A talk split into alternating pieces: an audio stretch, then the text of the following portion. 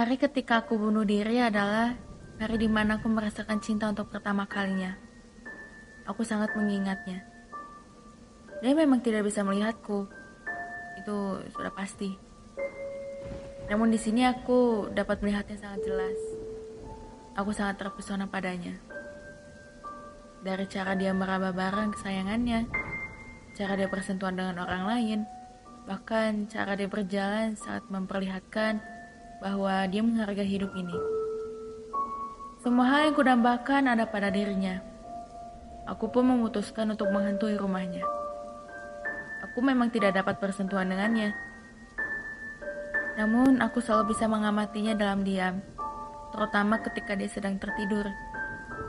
Dan aku tahu pasti dia tidak bisa merasakan kehadiranku.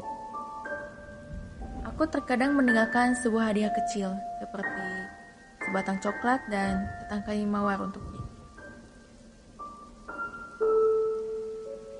Aku hanya ingin meyakinkan dirinya bahwa ada seseorang yang sungguh mencintainya dan menyayanginya. Meski aku tahu dia tidak bisa melihatku. Pada akhirnya, rasa cintaku yang sangat kuat ini berhasil dia rasakan sesekali. Ia mulai memanggilku, bertanya apakah ada seseorang di rumahnya. Dan hal tersebut hatiku sangat tersentuh.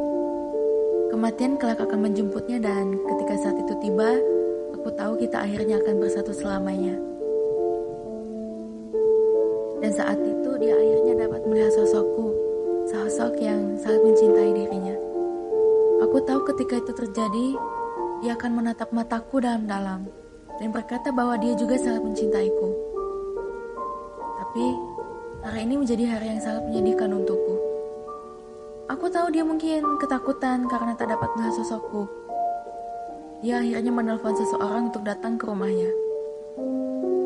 Sepertinya orang-orang itu adalah dukun atau semacam cenayang. Mereka menggunakan pakaian serba biru. Mereka memaksaku pergi dan memisahkan diriku darinya. Caranya benar-benar sangat kasar. Mereka terus berusaha mengusirku dari rumahnya, maksudku rumah kami. Aku tidak dapat mengingat apa-apa lagi. Aku tak tahu di mana ini. Aku pun terbangun di sebuah ruangan serba putih. Dan orang-orang itu memberikanku banyak pertanyaan. Tapi bagaimana mereka bisa melihat sosokku? Sepertinya aku tahu sekarang aku berada di mana. Ini pasti tempat yang sering disebut oleh mereka yang masih hidup, alam akhirat. Orang-orang itu berpakaian putih.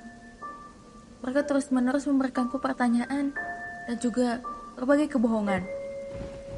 Mereka terus berkata bahwa aku belum mati.